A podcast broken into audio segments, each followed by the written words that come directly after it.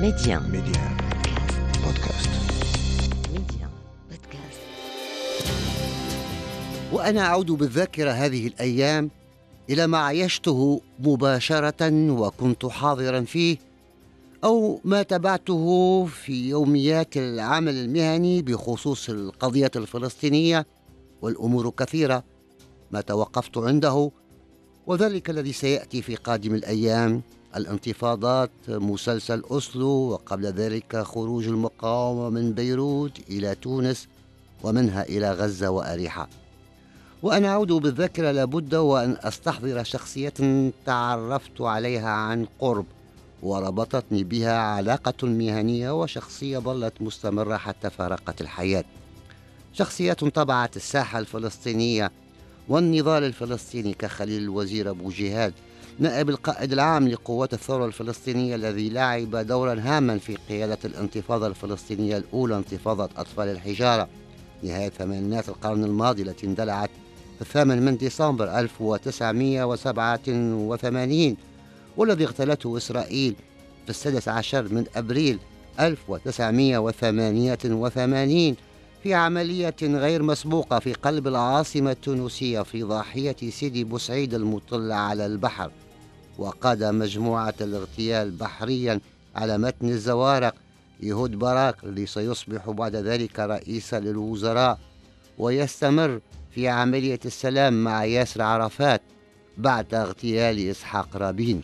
وقد أدانت الولايات المتحدة قتل أبو جهاد باعتباره فعل اغتيال سياسي كما صدق مجلس الأمن الدولي على القرار 611 الذي شجب العدوان الذي ارتكب ضد سيادة وسلامة الأراضي التونسية.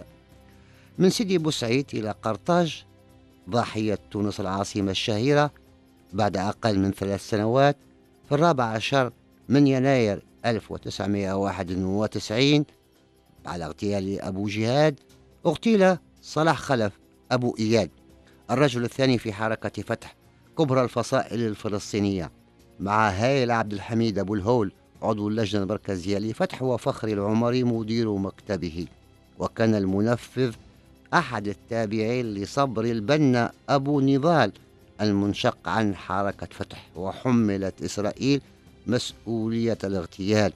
فيما تحدثت أنباء في دوائر مطلعة أن عملية الاغتيال كانت بتوجيه من الرئيس العراقي الراحل صدام حسين بسبب مشادات عنيفة حصلت بينهما عندما طلب منه عدم الزج بالقضية الفلسطينية في خلافه مع الكويت حيث عمل أبو إياد جاهدا في آخر أيامه على النأي بالقضية الفلسطينية عن التناقضات العربية.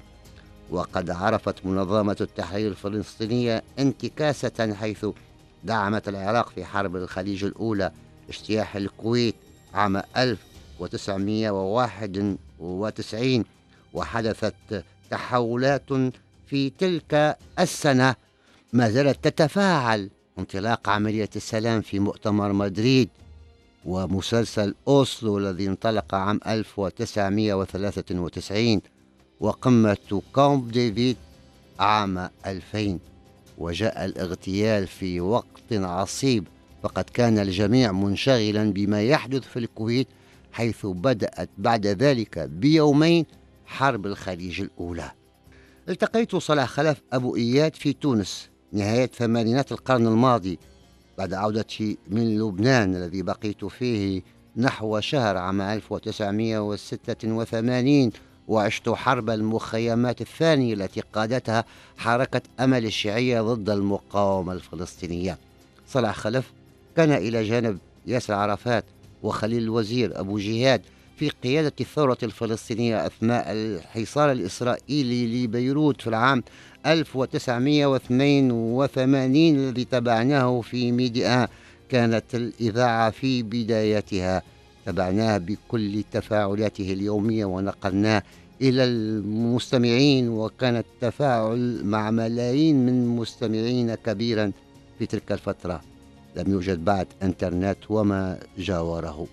غادر أبو إياد بيروت في غشت 1982 مع عرفات في تلك الرحلة البحرية التي قادت القيادة الفلسطينية إلى تونس المنفى الجديد وتابعتها منذ بدايتها وحتى الوصول إلى ميناء حلق الواد.